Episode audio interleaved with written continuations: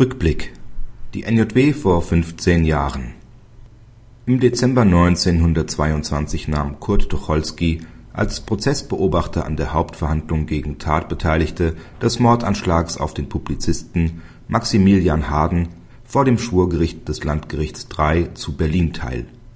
Seinem Bericht über den Verlauf und das Resultat des Prozesses Harden in der Wochenschrift Die Weltbühne stellte er ein bitteres Resümee voran.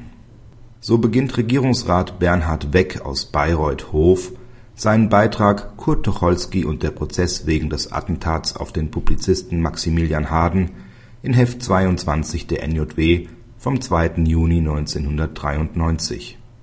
Weck zeigt am Beispiel dieses von Tucholsky beobachteten Verfahrens, welche wichtige Rolle Justizberichterstattung zur Aufarbeitung der Zeitgeschichte spielt. Das ist keine schlechte Justiz, das ist keine mangelhafte Justiz, das ist überhaupt keine Justiz schrieb Tucholsky seinerzeit über das Verfahren. Über das Fehlen von Justiz schreibt auch Mario Kaiser.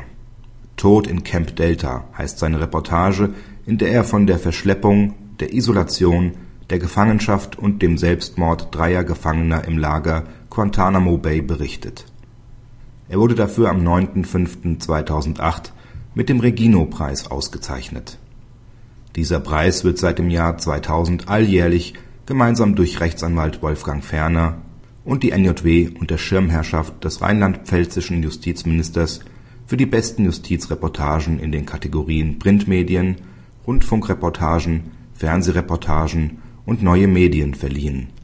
Weitere Preisträger diesmal sind Annette Wilms für ihren Radiobeitrag Beschützer oder Komplize – Die Rolle des Strafverteidigers und Ulrike Angermann gemeinsam mit Peter Reichhardt für ihren Fernsehbeitrag Der Mordfall Jakob von Metzler.